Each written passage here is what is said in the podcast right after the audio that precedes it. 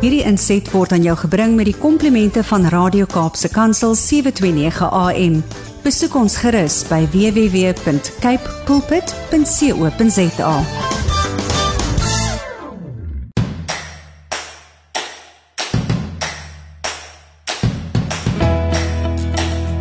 Saterdag 18 September 2021. Dit is net na 7.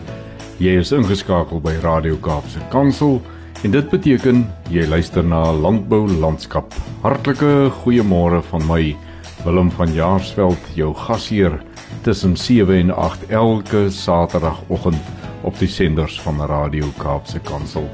Asook wêreldwyd op die internet. Ons kuier heerlik saam op 729 AM of op die internet wat jou in staat stel om na ons te luister enige plek in die wêreld. Waarna kan jy vanoggend uitsien gedurende die uurlange kuiertjie?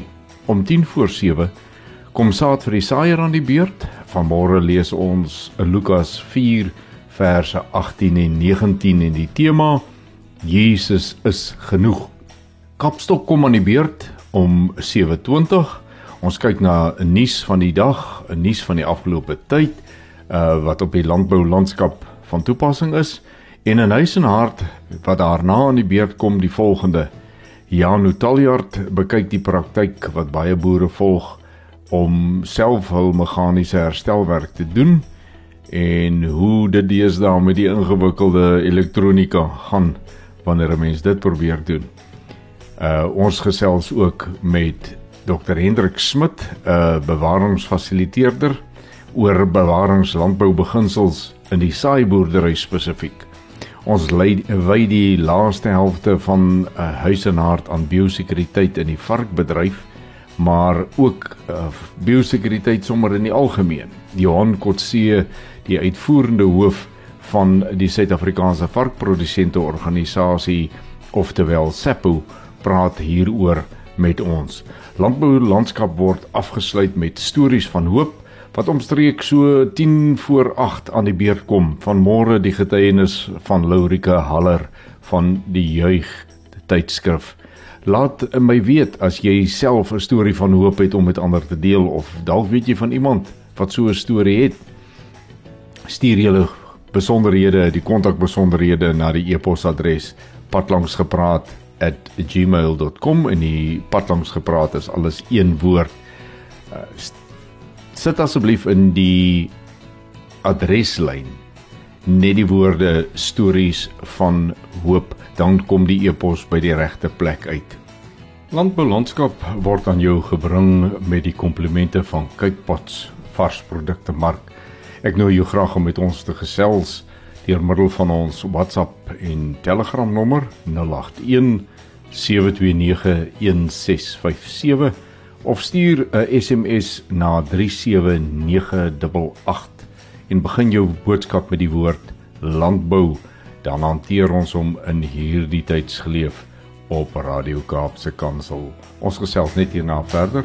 Bly ingeskakel. Dit maak nie saak waar jy op die aardbodem na ons luister of dit nou op 729 AM is wat jy na Radio Kaapse Kansel luister en of jy elders in die wêreld op die internet luister elke saterdagoggend tussen 7 en 8 dan gesels ons oor 'n baie verskeidenheid dinge van die landbou. Ek weet nie wanneer laas jy die voorreg gehad om op 'n plaaswerf rond te stap en sommer net te kyk wat staan rond, wat lê rond. Hoeveel van die dinge wat jy sien ken jy, hoeveel is onbekend. Maar alles, die geluide, die reuke en dit wat jy sien, alles saam maak die plaaswerf 'n belewenis. Landboulandskap is min of meer ook so. Ons kyk sommer so 'n bietjie na 'n paar dinge, wyd versprei, wyd wye verskeidenheid En van sommige sommiges gaan jy weet en sommiges gaan jy niks van weet nie, maak nie saak nie. Ons is hier om dit te geniet. Vervolgens 'n stukkie musiek en dan is dit tyd vir saad vir die saaier. Op landbou landskap het dit nou tyd geword vir saad vir die saaier en vanmôre is die tema Jesus is genoeg. In Lukas 4 vers 18 staan daar: Die gees van die Here is op my omdat hy my gesalf het om die evangelie aan die armes te bring. Hy het my gestuur om die wat verbrysel van hart is te genees. En dan vers 19 om aan gevangenes vrylating te verkondig en aan blindes herstel van gesig om die wat gebroken is in vryheid weg te stuur om die aangename jaar van die Here aan te kondig. Jesus lees hier voor uit die boek Jesaja en wel Jesaja 61 verse 1 en 2. En as jy verder lees dan sien jy dat nadat hy hierdie twee verse gelees het, het hy gestop en die boek teruggegee, die boekrol dat dit gebeere moet word. En die geweldige aankondiging gemaak. Hierdie woord is vandag in julle midde in vervulling gebring. Bedoelende dat dit waarvan Jesaja geskryf het, dui op Jesus en hy is nou daar om alles wat Jesaja geskryf het oor hom in vervulling te bring. En as ons kyk na wat sê hy hierso, dan is dit die tipiese woorde waarop ons ons geloof kan bou dat maak nie saak wat my behoefte in die lewe is nie, maak nie saak wat my probleem is nie. Maak nie saak waar ek vandag staan en waar ek graag sou wou gestaan het nie. Daar is een naam, die naam bo alle name, wat my kan vat van waar ek is en nie wil wees nie tot waar ek nie is nie en graag wil wees en daardie naam is Jesus. Jesaja het dit voorspel dat hy sou kom om al hierdie dinge te doen. Jesus het dit voorgeles en gesê dit het reeds gebeur. Dit het in julle midde gebeur. Eintlik kon Jesus seker gesê het hy wat hiervan geskryf staan, het dit vir julle nou gelees. Kom ons bid. Here, Ons is dankbaar om te weet dat in ons lewe hoef ons nie te soek na goed en geld en vermoëns van watter aard ook al om probleme op te los, om ons lewens te verander nie. Die enigste soeke wat ons na hoef te soek is na U. En U sê U staan by die deur en U klop en as ons oopmaak, sal U inkom en met ons maaltyd hou. Ons gebed is vir môre. Here, dat ons nie te lank sal wag om dit te doen nie. Gee ons daardie oortuiging dat dit nou sal wees. Amen. Jy luister na Landbou Landskap. Net hierna gaan ons kyk na nuusgebeure in die landbou wat uh, die oog gevang het. Ek uh, is seker almal van ons het waargeneem dat die dae is besig om langer te word die nagte korter. Ons beleef in die verskillende dele van die land die voorspel dat die lente en die somer wel weldra gaan inskop en eh, vir die wat in die somer reëngebied val is daar die blye vooruitsig dat daar goeie reën sal wees en die die damme weer sal vol word. Die mense in die winterreënstreek is dankbaar vir die goeie reëns wat geval het en sien uit na die tyd wat voorlê waar dit droog genoeg sal wees dat daar die oeste ingesamel kan word. En vir almal is dit 'n groot vreugde as ons weet die een wat dit alles vir ons gegee het is ook die een wat sal beskik oor hoe die oes verloop. Bly ingeskakel net hierna is dit kapstok. In landboulandskap het dit nou tyd geword vir kapstok. En vanmôre skop ek af met so 'n paar los nuusbrokkies. Een wat ek in 'n nuusbulletin wat na my toe gestuur is gekry het wat nogal vir myself 'n bietjie ontstellend was, is die een wat gaan oor die aantal boere, die getal boere wat in ons land toenemend afneem. Ehm uh, meneer Christo van der Rede, die hoof van Agri Suid-Afrika, het uh, op 'n paar van hierdie dinge gewys wat daartoe lei dat boere se getalle verminder en van die goed wat hy noem is onder andere die storting van landbouprodukte in ons land. Nou die werkswyse of hoe dit maak dat boere uit landbou tree is hierdie stort gestorte landbouprodukte maak dat ons pryse in die binneland net eenvoudig of in ons land so afneem dat boere nie meer mededingend kan produseer nie. En wanneer dit nie winsgewend is nie, dan kan jy dit nie verder doen nie. Verder praat hy oor droogtes en vure en ons weet hoeveel van die vuurprobleme het sommer net ontstaan vanweë kwaadoenery en dan die stygende pryse van insette wat uh, veral kunsmis en brandstof wat dit vir boere al moeiliker maak om te kan aanhou boer. En dan van die ander goed wat hy oor gepraat het wat wat daarop dui dat dit boere uitdruk of uh, verminder uh, is nogal ernstig om daaroor te dink dat COVID-19 het ook 'n klomp van ons boere se lewens gekos en uh die impak daarvan op die landbousektor en dan op die ekonomie van die land is net eenvoudig geweldig. Dit is ontwrigtend en en baie baie negatief. So ons het baie dinge wat baie mal saamwerk om die getalle van ons boere te verminder en dit is regtig waar vir my nie baie goeie nuus nie. Eintlik is dit bitterlike slegte nuus.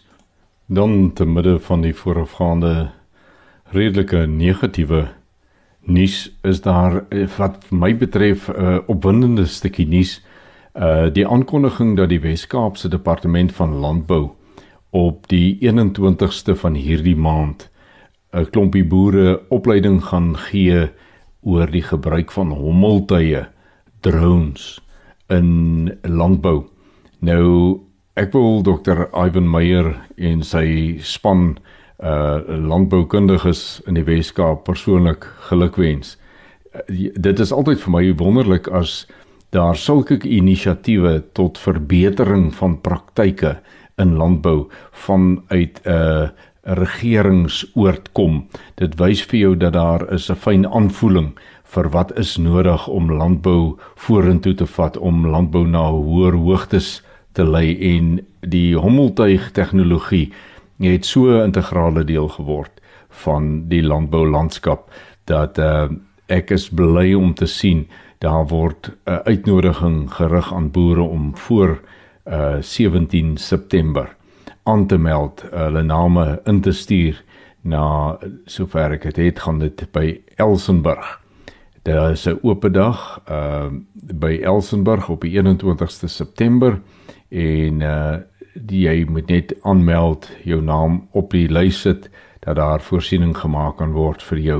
Ek dink dit is 'n wonderlike inisiatief van hoe die privaat sektor en die regering uh hande kan vat. Geluk Weskaapse departement van landbou. Dan 'n berig van landbou.com geskryf deur uh, Vida Boysen het 'n uh, interessante ding na vore gekom. Dr John Purchase, die uitvoerende hoof van Agbus, het uh, op 'n boeredag gepraat oor die bespoediging van die meester landbouplan. Uh dit beteken dat hy voel daar moet dringend aandag gegee word om hierdie meester landbouplan vinniger gestalte laat te laat vind. Ehm uh, maar die baie interessante vir my is dat hy gewaarsku het die regering moet realisties wees oor die teikens wat hulle stel vir byvoorbeeld bemagtiging of grondhervorming. En dan sê hy jy word aan bande gelê deur die soort omgewing wat die regering skep waarbinne teikens behaal moet word.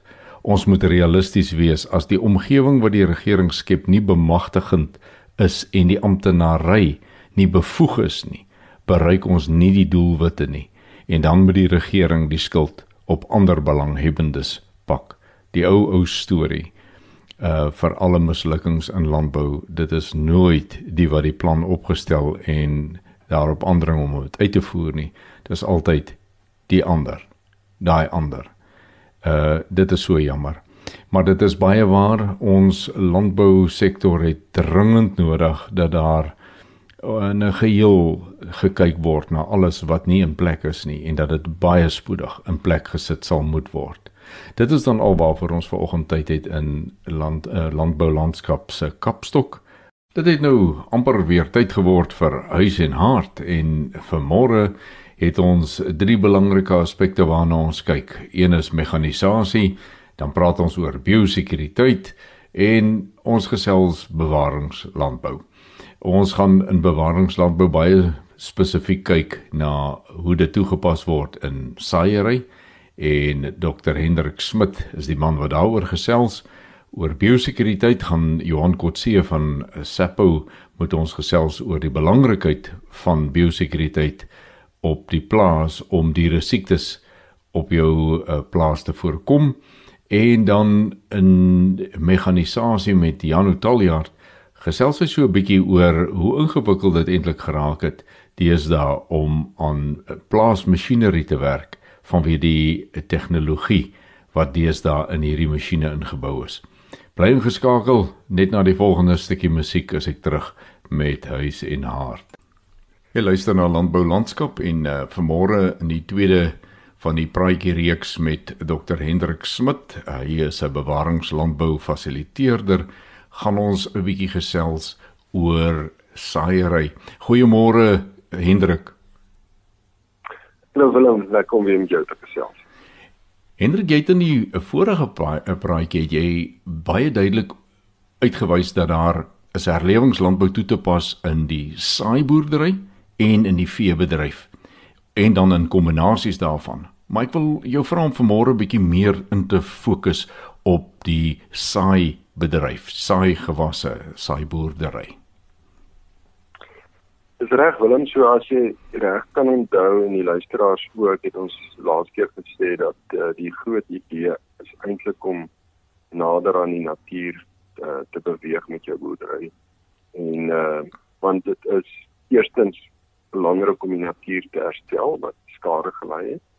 En en tweedens ook om daai funksies en dienste wat die wat die natuur het uh weer te herstel sodat dit verniet vir jou beskikbaar is. En ehm um, die groot kwessies hier elemente is grond, uh klimaat, biodiversiteit en dan natuurlik ook die finansies van die boer wat wat herstel of herleef moet word. So as mens nou kyk 'n bietjie inzoom op die praktyke van graanverbouing, ons sê die eerste belangrike beginsel is um, om so min as moontlik versteuring meganiese grondversteuring versteuring veral te te laat en dit doen ons met die gebruik van 'n uh, wat ons noem 'n geenbewerkingsplante. Dis 'n planter wat in die grond insny sonder dat daar 'n nodigheid is vir enige ander primêre uh grondvoorbereidings uh, praktyke soos ploeg of skoffel of dus So hy sny direk in 'n onversteurde grond. Hy maak 'n klein opening en hy laat die saad en kunsmis uh in die grond in. En ehm um, dit dit help om ehm um, 'n plant te vestig in die grond sonder om die grond te versteur, want sodra jy die grond versteur, dan begin jy daai afwaartse spiraal van grond agteruit. Koolstof in die lug op water in die lug grondstruktuur, grondvrugbaarheid betaal en so gaan 'n mens net af en af. Die tweede beginsel is natuurlik om daai grond te bedek soveel as moontlik, ten minste 30%, maar verkieslik baie meer tot 100%. En dit uh, doen ons deur uh oesreste, sien nou maar koring of ehm um, mielie oesreste uh, op die grond te hou um, en dan ook dalk aan te vul met lewendige plante wat ons noem dekgewasse wat wat nou natuurlik nog meer biomassa aan bedekking op die grond verskaf. En dit help om water nie af te laat afloop nie, maar eerder te laat infiltreer en minder verdamping. Ons wil nie water verlore laat gaan deur hierdie hierdie prosesse nie, veral verdamping. Ons wil eerder water laat verlore gaan deur transpirasie deur plante wat groei beteken. So daai watersiklus in jou stelsel um, is baie belangrik. En dit natuurlik 'n uh, oppervlakbedekking hier oesres tot dekwasse verhoed ook gronderosie, wind of watererosie wat een van ons grootste probleme is. Hmm. En dan die uh, ander beginsel en praktyk is diversiteit. Ons wil so veel as moontlik plante of plantspesies in jou wisselboustelsel hê.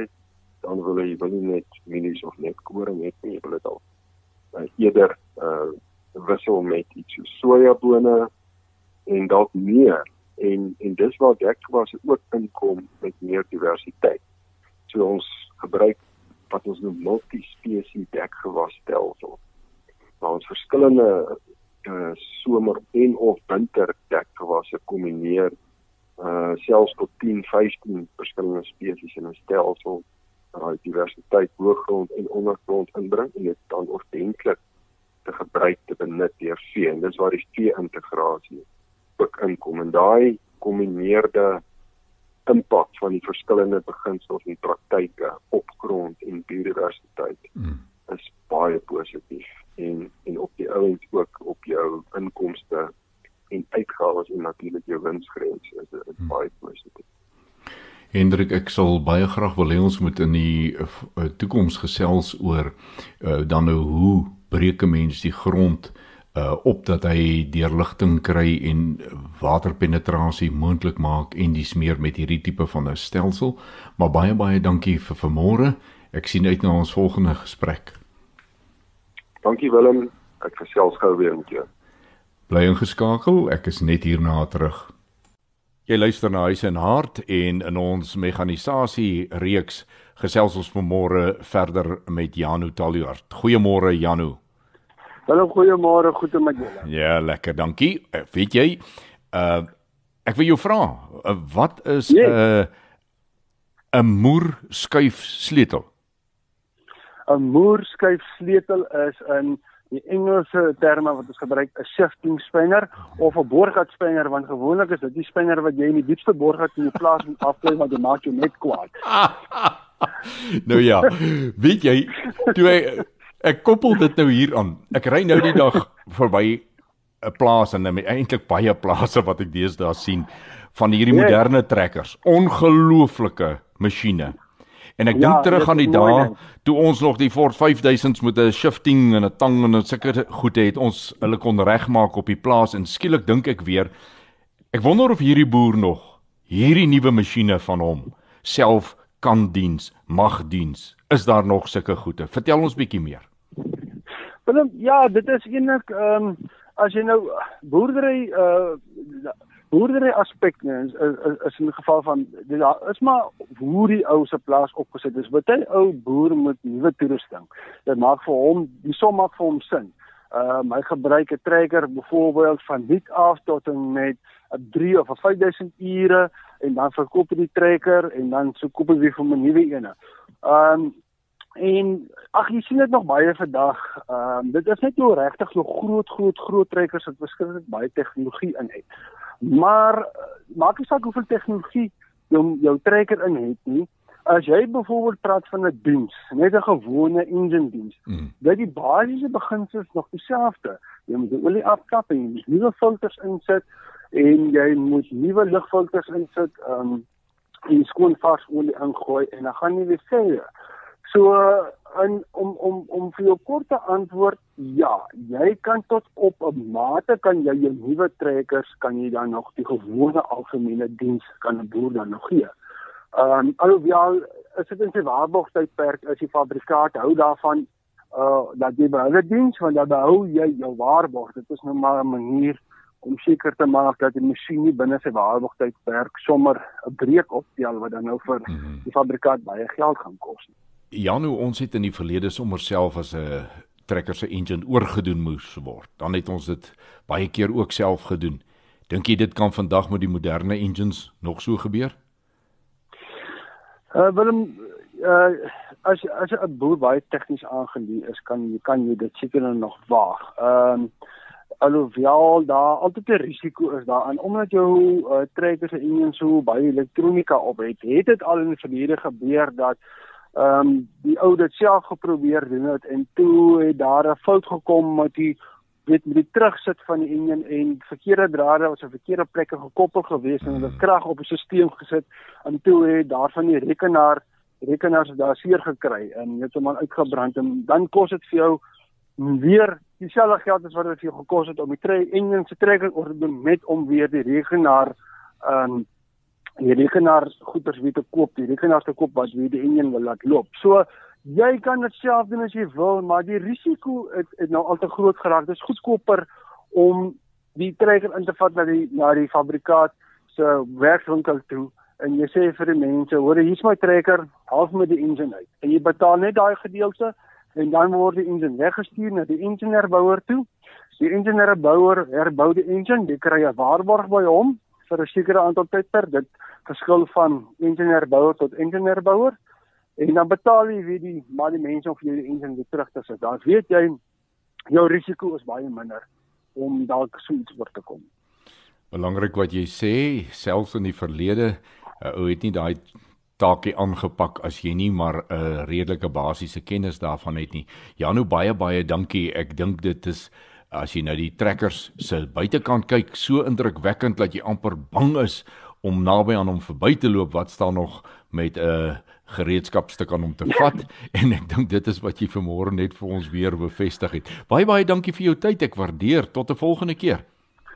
Groot plesier. Dit was weer gesels. Lekker dag julle. Bye bye. Hou asseblief net jou sitplek so daar waar jy is. Ons gaan net hierna aan met landbou landskap.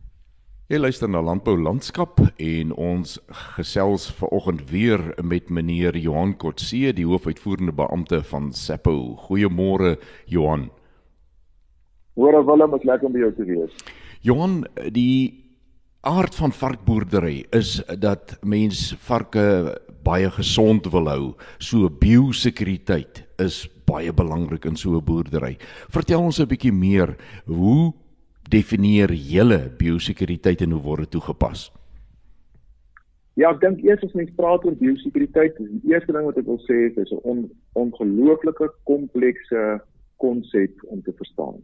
En die rede daarvoor is daar's soveel wat 'n impak het op biosekuriteit. Daar's soveel aksies van mense, handelinge wat 'n impak het op die biosekuriteit uh spesifiek tot 'n varkboerdery. Nou kom ons van 20 jaar terug en ons gaan kyk na wat se siekte uitbrake daar onder die mensdom was in die wêreld en ons kyk waar ons vandag is. Dan besef jy dat hoe hoeveel nuwe siektes, hoeveel uh penetrasies van virusse op verskillende plekke plaasgevind het wat eintlik nooit bestaan het nie.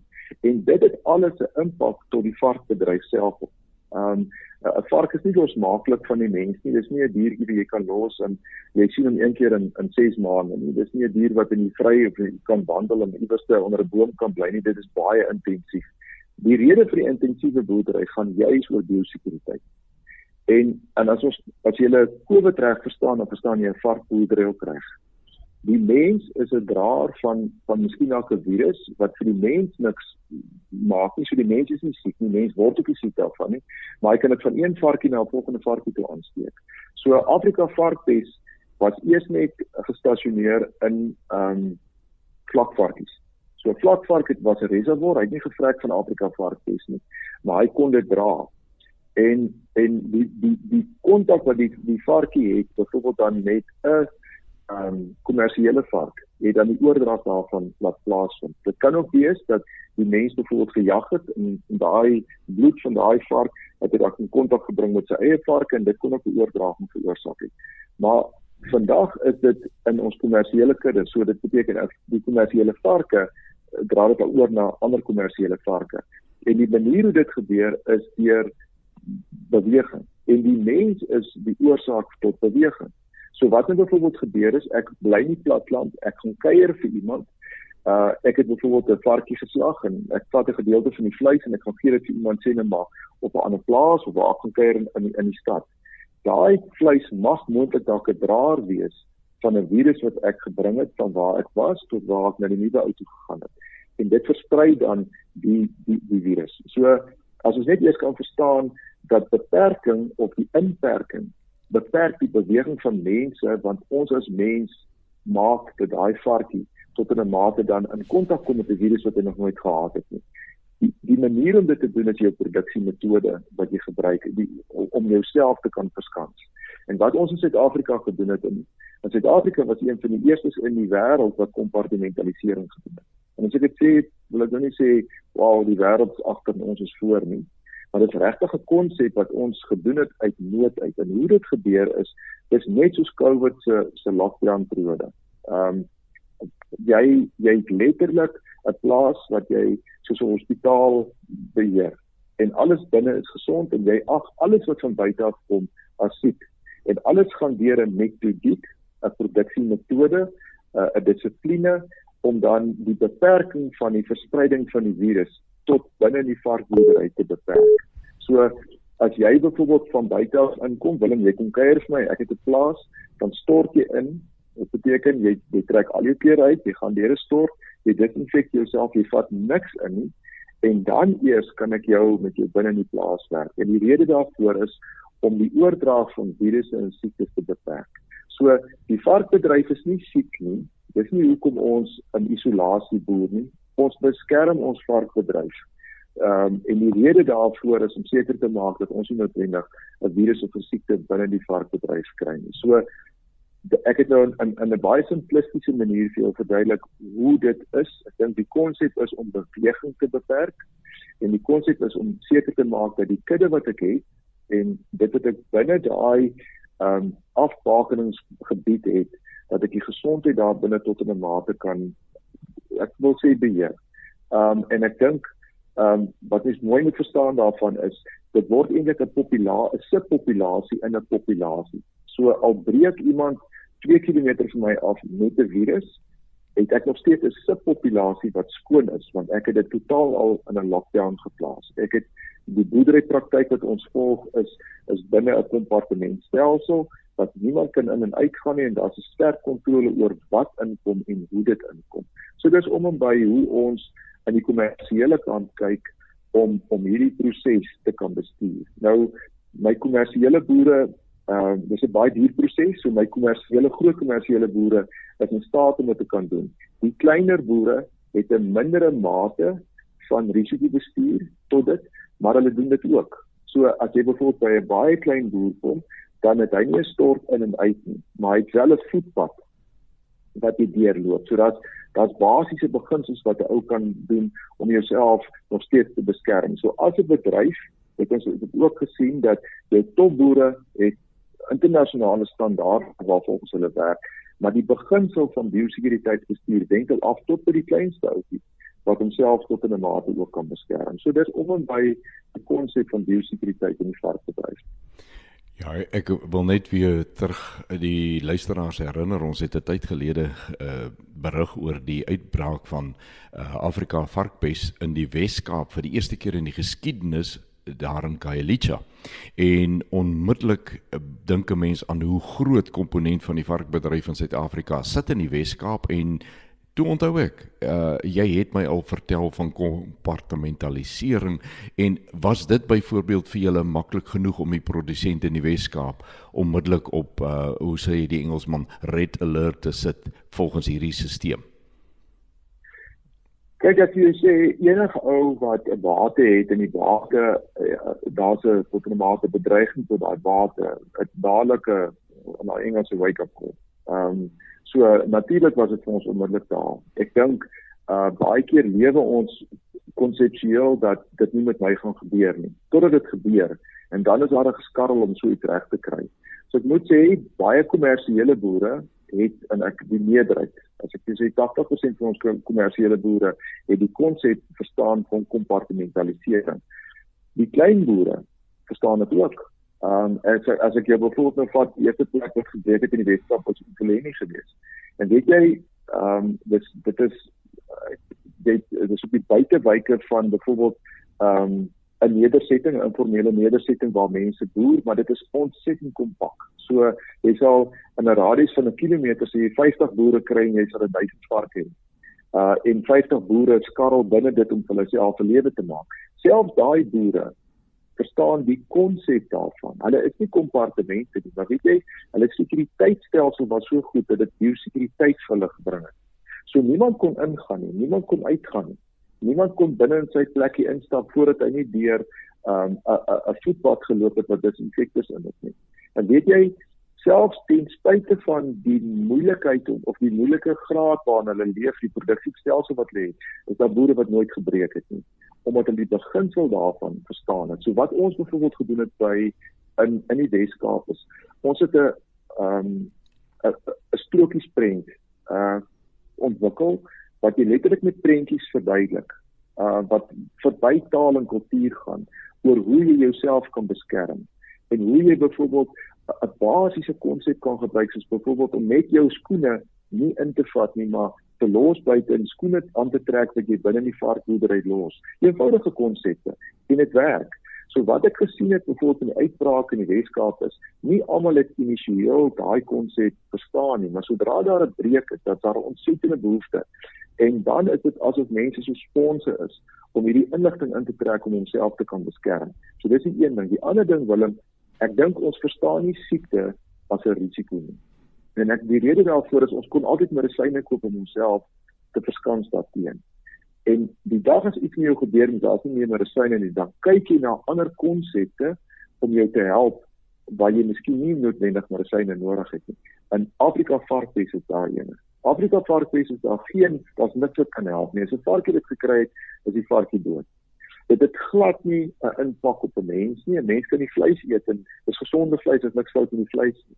Maar die varkies, die die die mortaliteit is naby aan 100%. So sodra dit gebeur, dan is dit of mense ons onmiddellik besef maar luister, ek moet iets doen om my risiko te verskans. En dan begin hierdie boerderypraktyk van biosekuriteit begin 'n impak hê en mense begin dit leef.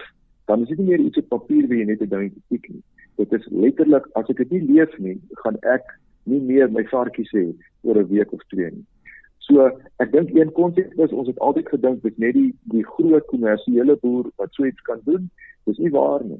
Ons wentel hom af tot by die ou wat 'n piekieper is wat twee of drie varkies het. As hy hy kan in konsep kan hy homself ook goed bestuur om te sê ek beperk die beweging en ek beperk eintlik so die risiko van die virus na my toe te kom. Uh as ons kyk na die boerderypraktyke dan kan ek vir jou sê 'n hoër risiko lê by die kleiner boere want hy het nie noodwendig die infrastruktuur om hom te kan help om daai beperking te kan instel nie. As jy kyk na 'n groot boer dan is sy risiko baie laer uh as wat jy het byvoorbeeld met 'n klein boer bloot op grond van die infrastruktuur wat beperking tot 'n mate goed kan bestuur. So ek dink ek dink dit is 'n 'n konsep wat vir my by die klein boere baie goed posgevat het hoe hulle hulle self kan beskerm. En ek het in 'n baie baie moeilike omstandigheid gesien hoe klein boere dit reg gekry het om wel biosekuriteit te kan toepas met dit wat hulle gehad het. En dit is vir my dit is vir my absoluut fantasties hoe dit kon regkry om nie te breek met ISS en in eintlik as ek as ek tegnies daarna kyk en sê vir dis amper onmoontlik dat hulle nie breek nie. Hulle het regkry om nie te breek net omdat hulle basiese beginsels toepas. Johan, ek dink jy het 'n hele klompie dinge gesê wat ek graag in 'n volgende gesprek net 'n uh, uh, ek gaan jou dalk 'n moeilike vraag dan vra maar ek dink ons moet lesse geleer in die varkbedryf moet ons nie net in die varkbedryf los nie. En ek sal graag 'n volgende gesprek met jou oor hierdie ding van byvoorbeeld bewustheid en dis meer wil ek met jou gesels. Baie baie dankie vir jou tyd weer vanoggend. Ek waardeer dit dat jy bereid is om in jou baie vol program ons ook in te pas. Baie dankie. Baie dankie Willem Horlosie het aangestop en dit het nou tyd geword vir stories van hoop. Vanmôre is ons gas op stories van hoop, Lorika Haller. Ons luister graag na haar getuienis. Die kragtigste oomblik waar ek God se teenwoordigheid ervaar het en besef het wie God werklik is, was nie in 'n kerk toe ek vorentoe gestap het gevra het vir gebed of toe ek 'n fisiese genesing ervaar het nie. Dit was juis in my donkerste oomblik waar ek geestelik op my lelikste gelyk het, die lelikste oomblik in my lewe. Ek en my man het as Christene ontmoet, ons is as wedergebore Christene getroud en het 'n baie gelukkige huwelik gehad. Ons het twee lieflike seuns gehad. Hulle was tieners en ons het 'n afdraai paadjie gevat in ons geestelike lewe met die Here. Ons het begin om God te speel in ons eie lewe. Ons wou beheer neem van ons eie lewe en alhoewel ons nog steeds Bybel gelees en gebid het, het ons meer kerk toe gegaan nie en ons het afgedwaal sonder om dit te besef. En wanneer mens God speel in jou eie lewe, raak 'n mens selfsugtig. En daai selfsugtigheid het daartoe gelei dat ons al hoe verder van mekaar af begin beweeg het, dat ons nie meer ons lewens mekaar neergelê het nie. En die uiteinde was dat daar 'n geweldige kloof tussen my en my man gekom het. Ehm um, daar was finansiële druk met ehm um, dit was in 2009 toe dit so swaar gegaan het in die hele wêreld. En ehm um, in plaas van om die die sakke sout saam op te eet, het ons ehm um, dit op mekaar uitgehaal. Daar was no-go zones in ons gesprekke. En die uiteinde daarvan was dat dit ons huwelik was soos 'n glasbak wat geval het en gebreek het. Ek het een aand het daar iets spesifiek gebeur en ek het besef ek is nie meer die vrou met wie ek getroud is nie en hy is nie meer die man met wie ek getroud uh, was in die begin nie. En ek het so gehuil en vir hom gesê selfs al wil jy sê jy is jammer en selfs al wil ek sê ek is jammer dit wat mooi was tussen ons lê soos gebreekte glas op die grond. Hoe plak 'n mens iets wat so stikkend is weer aan mekaar? En ek het hom gevra om die huis te verlaat en uit te trek. Ek prys die Here dat God deel was van ons verbond wat ons aan mekaar gemaak het. En ehm um, ek het my ouers gebel wat Christelike beraders is en net vir hulle gesê, pappa en mamma, dit is nou wat gebeur het en hulle was so rustig. My pa het net gesê klim nou in die kar, ons kom nou dadelik na julle toe. Daar is hoop as gevolg danksy van wat Jesus vir ons gedoen het aan die kruis. My ouers het gekom, maar saam met hulle het die Heilige Gees in ons huis ingekom. En terwyl my pa en my ma my beraad het, my man was nie daar nie, die Heilige Gees 'n sonde besef oor my lewe gebring soos ek nog nooit in my lewe ervaar het nie. Ek het verwag dat hulle daar gaan sit en vir my sê wat als my man verkeerd gedoen het. Maar hulle het God se liefde oor ons uitgespreek en oor my man. En terwyl my pa gepraat het, het die Heilige Gees met soveel liefde maar so so direk vir my gewys wat my aandeel was. Ek kon nie wag dat hulle ophou praat so op my knieë kon neerval langs die bank en vergifnis vra vir wat ek gedoen het nie. En dit is ook wat ek in daai oomblik gedoen het. Ek het vir daardie oomblik besef wat Christus aan die kruis vir elkeen van ons gedoen het. Wanneer jy daar sit en jou lewe se gemors, wanneer jy so gemors aangerig het en jy weet jy kan dit nooit self regkry nie en jy so teleurgesteld is in jouself, Vir die eerste keer in my lewe het ek besef wat dit beteken wat Jesus aan die kruis vir ons gedoen het. Dat daar hoop is, dat daar vergifnis is. Ek het my man gebel. Hy het ingekom. Die Here het presies dieselfde ding met hom gedoen. Ons is binne 'n halfuur met mekaar versoen.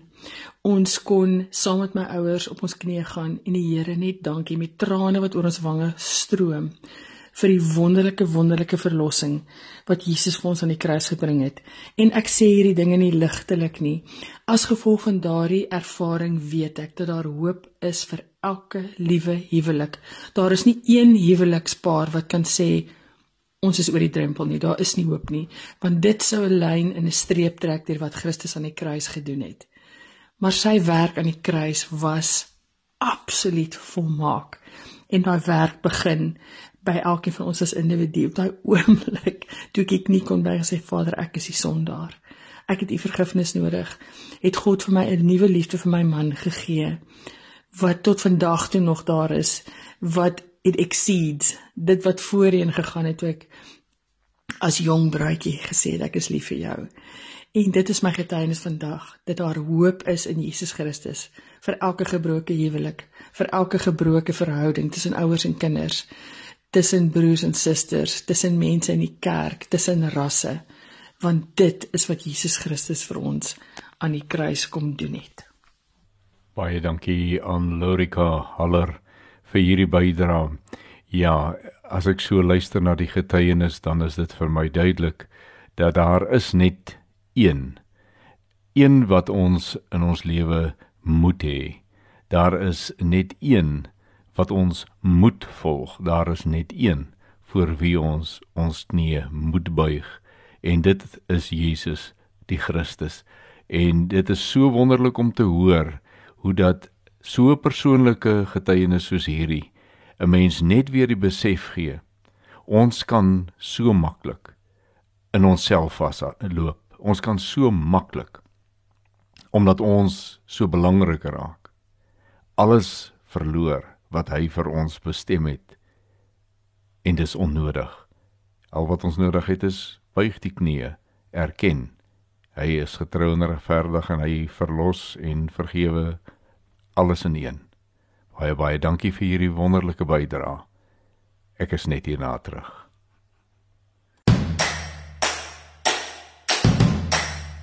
Die horlosie sê dit het daar tyd geword vir my om te groet, maar ek wil vir u net dankie sê dat daar vanoggend weer saamgekuier kon word in landbou landskap.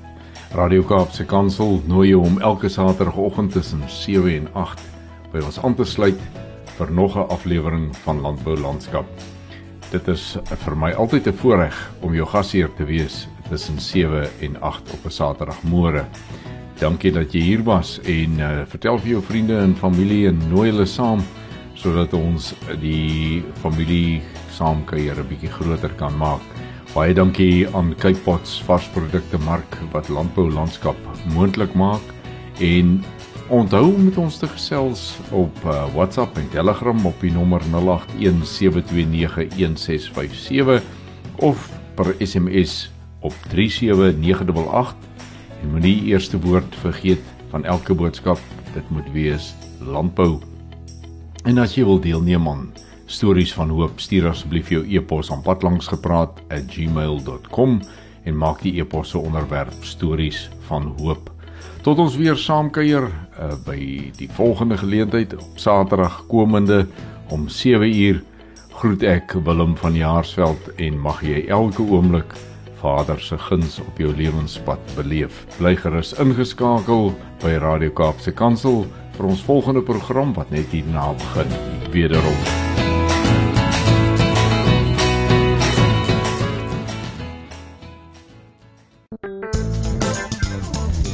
Hierdie inset was aan jou gebring met die komplimente van Radio Kaapse Kansel 729 AM.